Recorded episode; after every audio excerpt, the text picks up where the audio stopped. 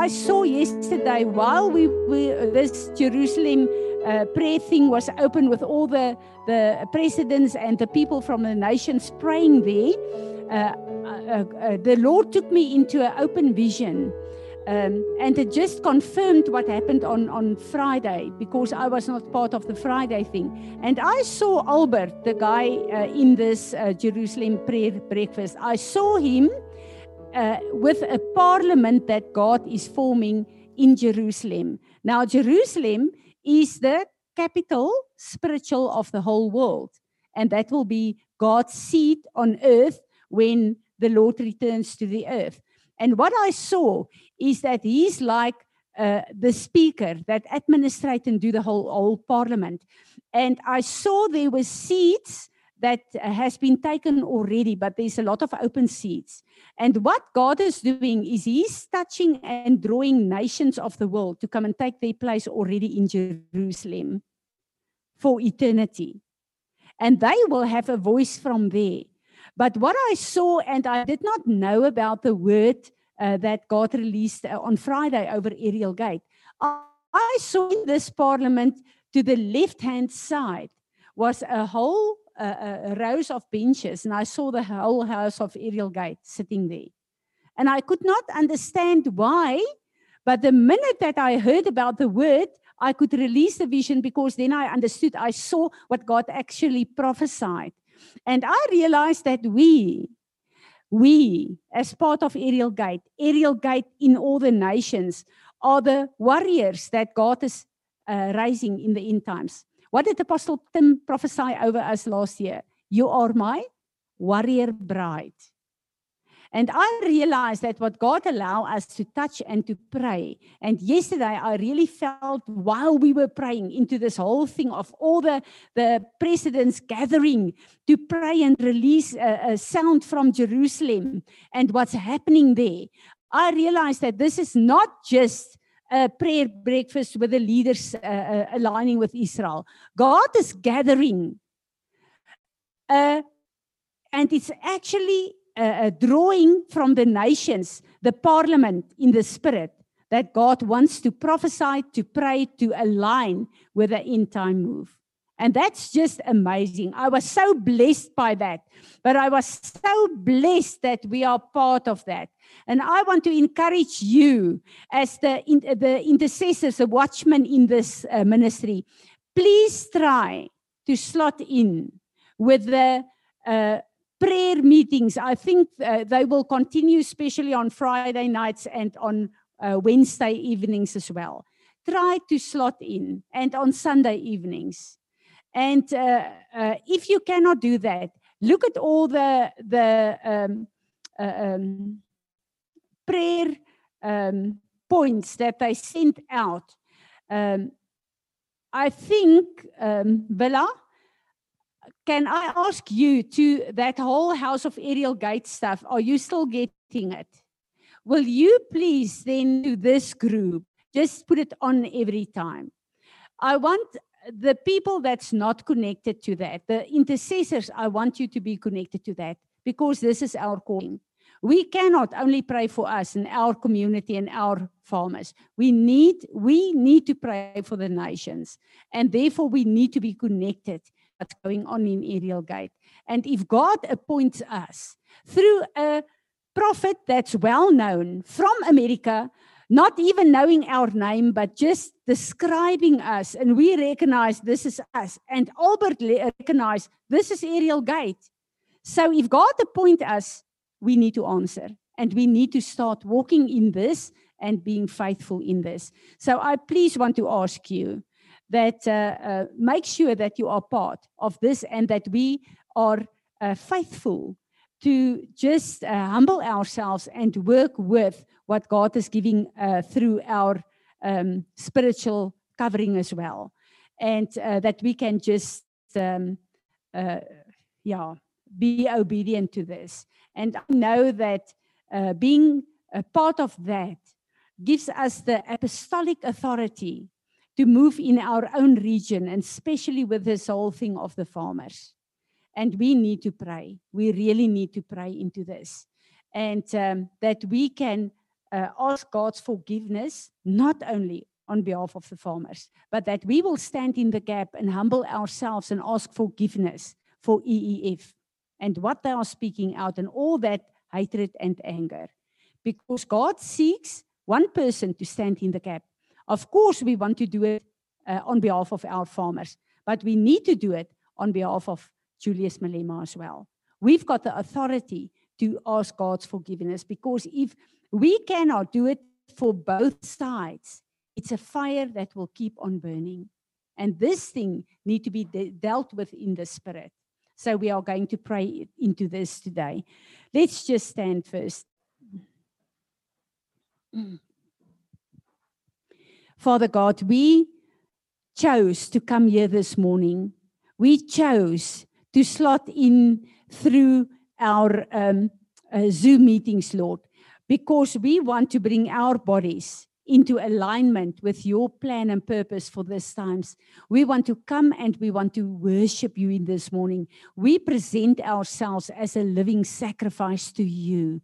Spirit of God, I pray that you will start hovering over us, that you will bring the fire of God, that you will come and burn upon us, Lord. We want to come and say, What is on your heart today? We want to align with, Lord. We want to pray and to worship the way you want us to worship, Lord. I pray that you will come in this time and that you will confront each and every one of us, Lord. This new place, this new place of relationship that you are calling us into, Lord. This place of obedience that you expect from us in this time, Lord. I pray that you will just come and anoint us, Father, that your anointing will break the yokes on us. Lord, there's so many voices that speaking to us in this time, Lord. I want to ask you to silence these voices. Come and anoint our ears, our eyes, Lord, to do what is on your heart. We want to come we want, we allow the world and the busyness of the world to become such a part of our lives, Lord, that we uh, do not have the time to spend in your uh, presence. Lord, and choose in this season to say, This will be a season where you will of our life, where we will give ourselves to as vessels to pray and to do what is on your heart, Lord. We want to come and say, Lord, that we want to become less, that you uh, can increase in our lives, Lord. This is our desire. But you know, Father, this is our desire and our prayers. But we do not have the capacity or the ability to really push into this, Lord. So I pray that you will come and help us to push through, Lord, to buy out the time, to be serious, Lord, in these serious times, and that that we will not be deceived of the devices of the enemy, Lord, that we will see what is his plans and that we will not stand in a place always to defend, but that we will put in place the boundaries, the structures, the prophecies, the prayers, the words, Lord, that will allow the boundaries of our God to protect us in this time. Lord Jesus, we want to come and say that you, the lover of our soul, we want to give ourselves and our love for you, our honor anew to you. And we pray that you will be exalted in this morning through what we are about to do. And we all say, Amen. Uh, Bilal, will we be able to worship? Okay, let's just go into a time of worship first. To embrace and grow into this new. If we do not allow us to be aware of this, to focus on God, to help us in this way. Next year, we will, will be just the same as now. The, that I don't want to be the same, Francie van Wyk, Wyk next year, this time. I want to see the reward of his suffering for my life. I want to see it. I want to see the change. I want to see that I'm more given over to my God than I'm now. And this is what our walk with God is. But this need us to understand what is your responsibility in this place to allow God to do what's in on his heart to do. And I realize that in this place to focus on Him in a deeper level is a place what I hear in this season is total obedience. And I realize that God is confronting me and you with total obedience. And I'm telling you, this is a season where a lot of us, a lot of the children of God, got away with a lot of things. We embrace the Bible in all the places that's easy for us or that have benefits for us. But there are certain things that we just push away. Um, I do not really want this as part of my life. Uh, I'll grow into that. And there is certain places where we grow into, but there's a growing into this year that calls for a deeper level, level of obedience than ever before. One of the things that I'm confronted with is a lot of times God asks us to do things that we do not understand. And then we push it away. There's a place where our obedience is not in a place where I will be obedient to God without understanding it or seeing what it will, what will be the effect on my life. This is one of the places where God uh, uh, gave me a revelation. And I prayed this for uh, many years. God, I want one of the char- characteristics of your angels. And that's to be obedient like lightning. Because this is what the word says. It's like lightning, they obey God, what God allowed them to do. And I want that obedience that will bring me in a place where God can speak and I will do without counting the cost or see what it will bring in my life. So to me, it's very, very important that we understand we are in a new place of obedience. When we look at that whole scenario where God sent that prophet, the young prophet, to bring a word to the city, he did that. But God said to him, I don't want you to turn off. You must write out, you cannot stay over in the city.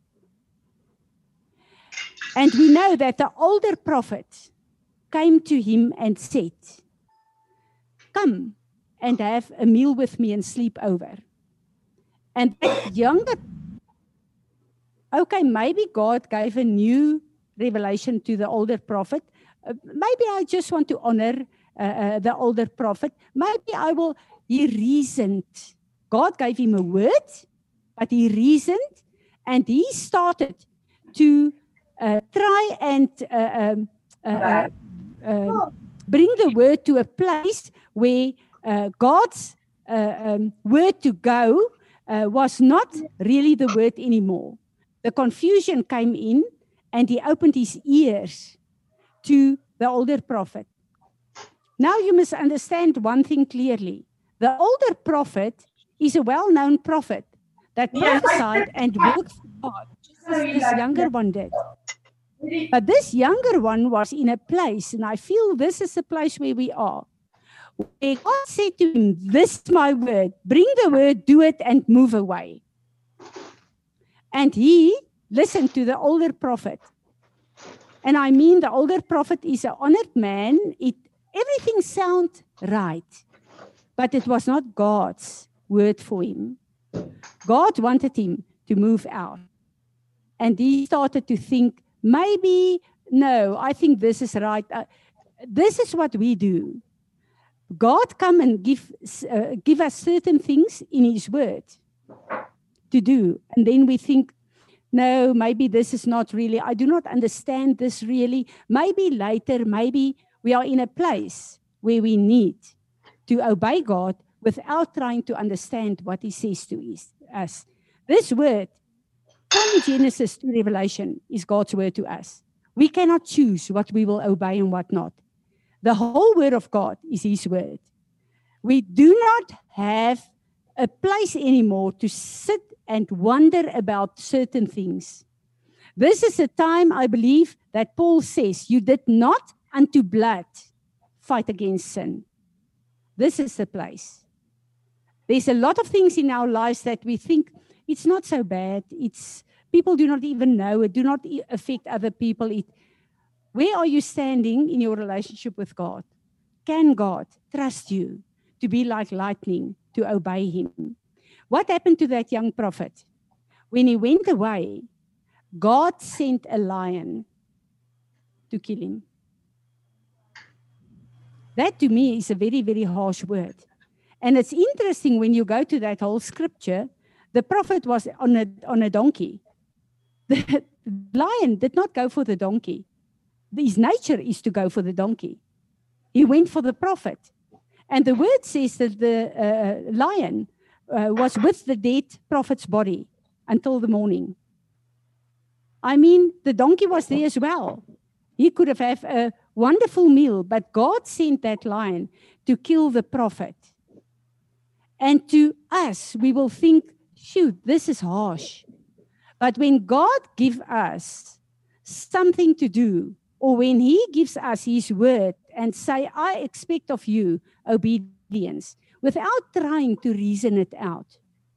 And I know we are in a time where God is challenging us with our relationship with Him. What is the time that we will spend with Him? We all have 24 hours a day. I was also always very lenient, especially with the young people, when they tell me they are very busy and they do not have time. you know what?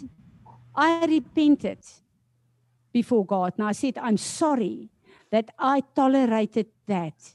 That I did not bring your word and say, Your word says, this is what our relationship with you should be. I cannot take my life, my circumstances, my whatever, to bring that as an excuse not to answer to God's call.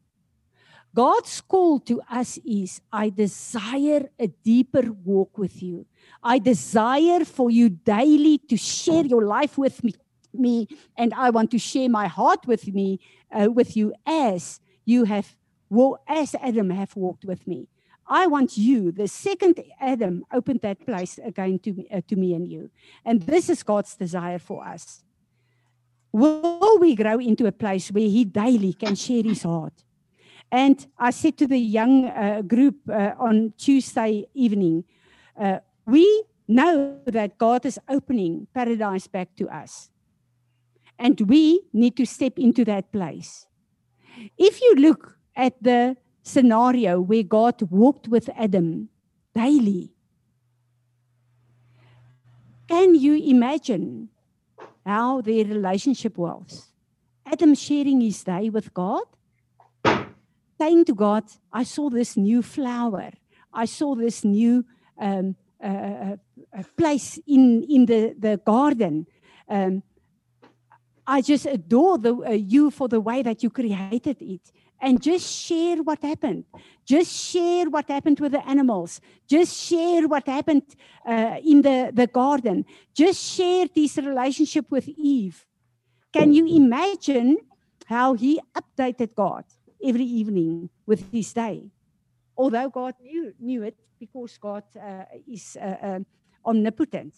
But how he updated God every day because you know, you need to know what will they discuss? He cannot give old news to God because he shared with him every day. And then God with Adam. Adam, you know what? I birthed new stars today. There's a new uh, uh, universe that I created. There's a, uh, what do you think was the relationship? This is why Adam and Moses were friends of God because they had discussions of their experiences in their lives, in their everyday lives.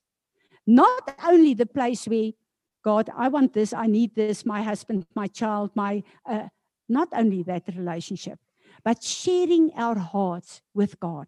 And I think is it uh, uh, is in a place where when she do all the garden gardening and see the stuff growing and the uh, to to just uh, uh, say to God, God, just look at this and appreciate this. And and I think these are places that God is yearning for us to come into, because from this place we will build ourselves up in our holy inner faith that's necessary in these times.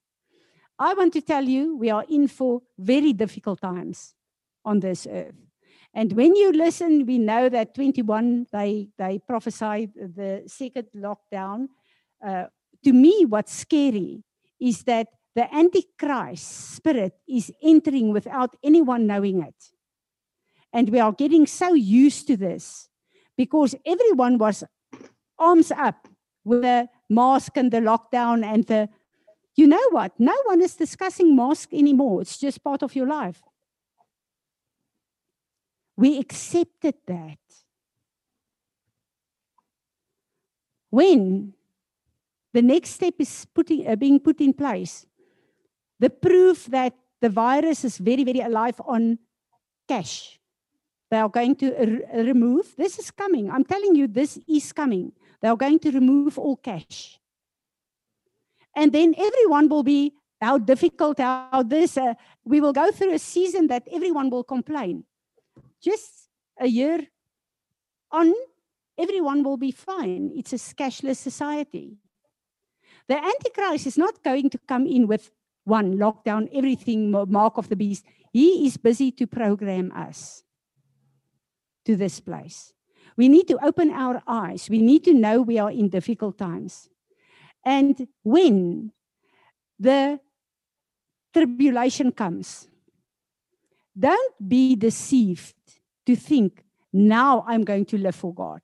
Now I'm going to have faith. Now I'm going to live in miracles and wonders. It's too late then.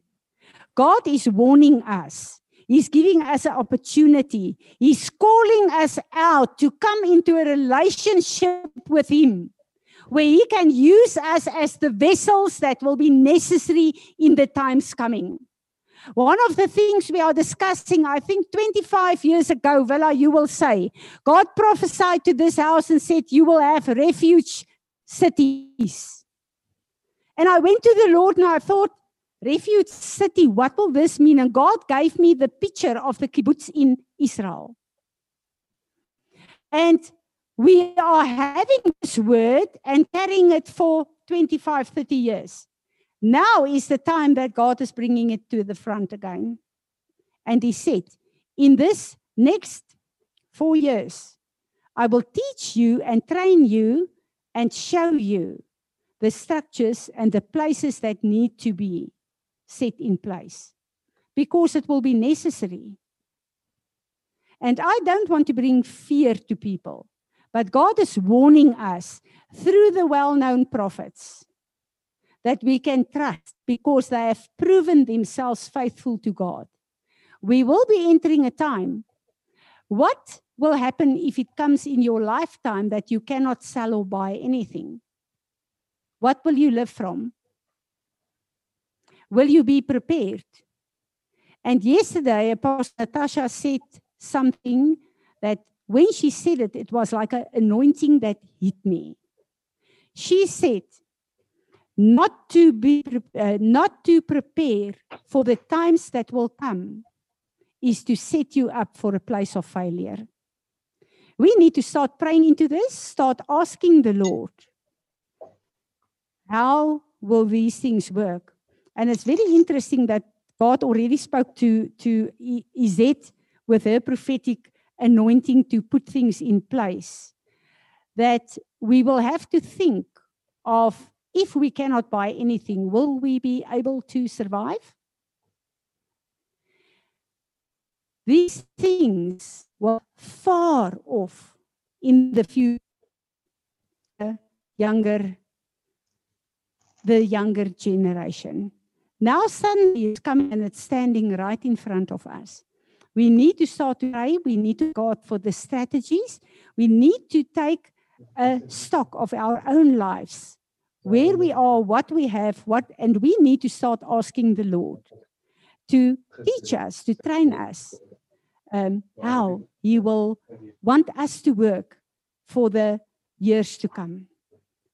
And in this place, I know just as certain things are a shock, like the lockdown, like the mask, like all these things, in the midst of this, we will discover a place that God will reveal of who he really is as the creator, as Jehovah Jireh, the one that provides. That we will be in his hand and that we will have no lack and need because of him, not because of who we are. And this will be the testimony and the power on earth to show the world that there is a living God. But we need to start building ourselves up to that place of faith.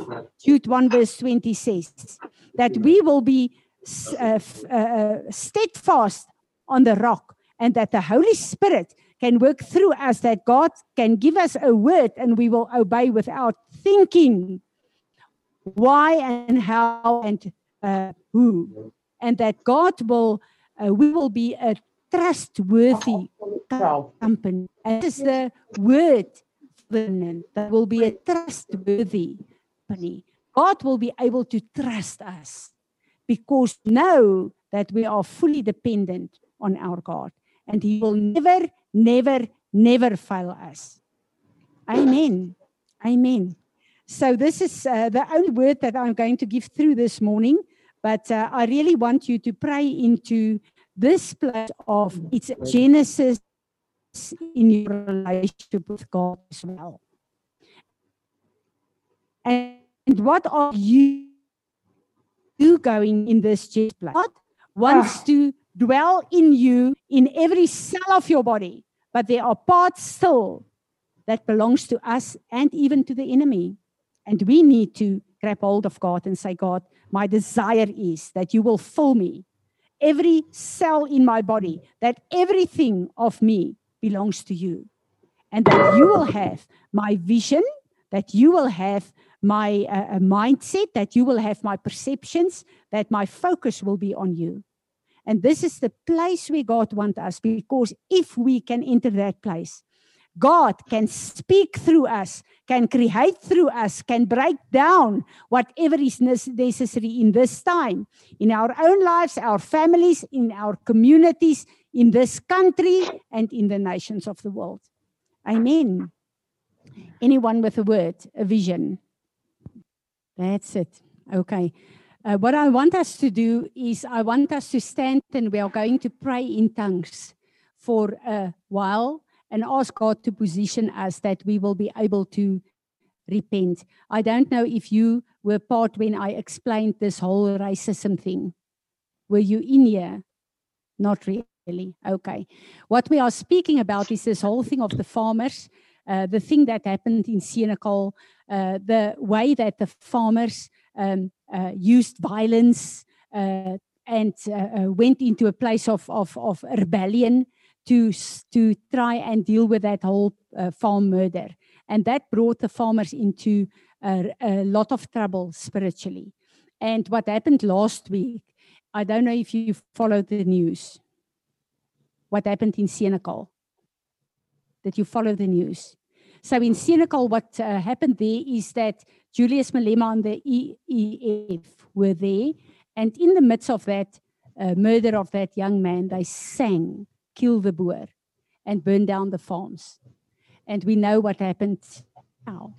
So we know that there's a spiritual thing, and I mentioned a bit uh, our school that was a, a, big shock to us, a small grade um, four child, um, that we we are trying to deal with the, uh, racism in the school. To uh, um, the value there is there's not black and white uh, for a division. It's God's hard to bring us in nations and to teach the children uh, that racism is not okay, especially not in that school. And one of the small kids said to one of the teachers, um, No, it's not okay if they kill your child, but the farmers are okay. So it's a whole thing that comes in from the country and from the houses. And we need to deal with this thing. We need to repent and we need to really stand before God. Yes, is it.